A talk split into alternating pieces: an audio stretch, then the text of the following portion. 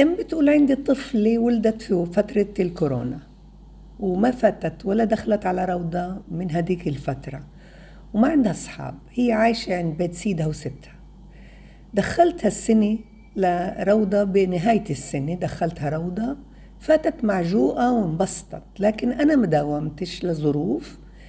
البنت صارت تستفرغ وصارت تبكي وصارت بدها تروح وخلصت السنة. أنا خايفة من السنة الجاي. كيف أخليها تداوم وتواظب وتكون مبسوطة بالروضة؟ أنت إسا بمرحلة عطلة. وقلقانة خليها تتمتع بالعطلة. ما تجيبي سيرة الروضة. ما ترجعي لورا. أنت إسا الواقع تبعها هو إنها تعيش بأمان واطمئنان. هي بحاجة لهذا من ناحية عاطفية. هي بحاجة لحبك الدائم. هذا كمان من ناحية عاطفية هي بحاجة لنموذج اللي بيعرف كيف يتعامل معها بهالشهرين اللي بالفرصة. أنا بعرف إنك أنت بتشتغلي وأنا بعرف إنها هي عايشة عند ستها وسيدها. وطبعا كيف حكيتي إنه بالعيلة ما في أطفال.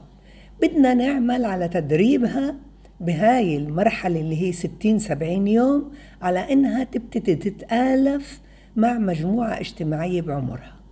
بس من غير ما نجيب سيرة روضة من غير ما نذكرها بأنه بدنا نروح على الروضة السنة الجاي بعد قدامها 60 يوم. بدنا إياها تصير تعرف تتآلف مع البيئة الاجتماعية. ندور لها على أطفال اللي كانوا معها بنفس الفترة الزمنية اللي كانت فيهم بالروضة. ممكن حتى كمان إنه نعرف مين أهاليهن ونتصاحب إحنا وأهاليهن ونكون نعمل برامج اجتماعية.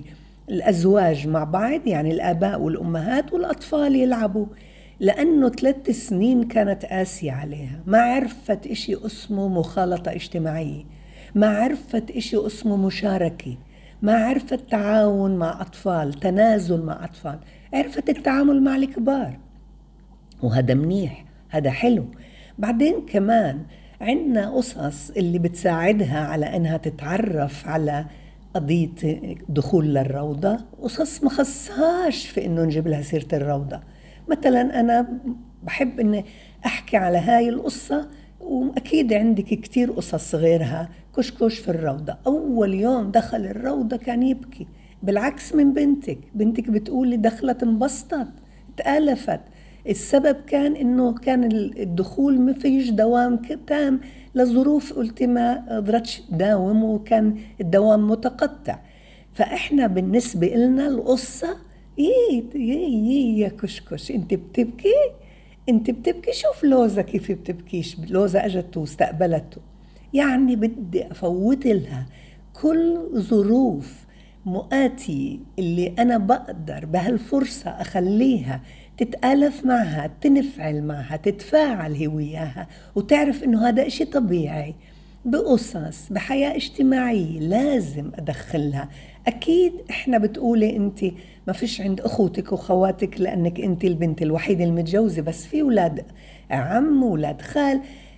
بدنا نعمل على إنه إذا أنت بالشغل الجدي الجد ياخذها على مثلا حديقة عامة اللي يلتقي هناك مع أولاد أخوه وأطفال اللي تتعامل معهن بأنه هيك الحياة الطبيعية.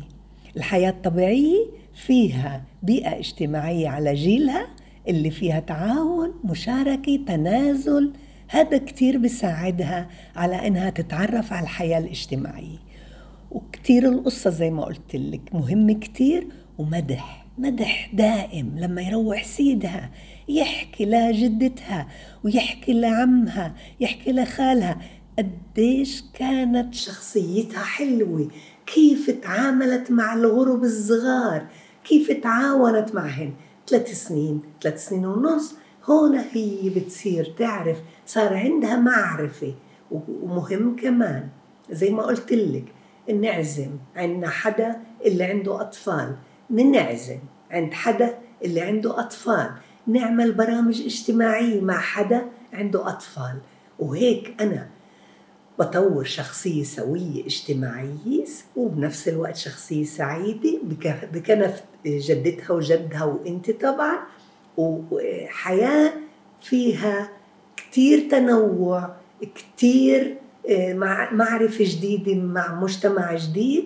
ويوم ورا يوم بتصير هذا إشي طبيعي بعد ما كان مش طبيعي بالأول.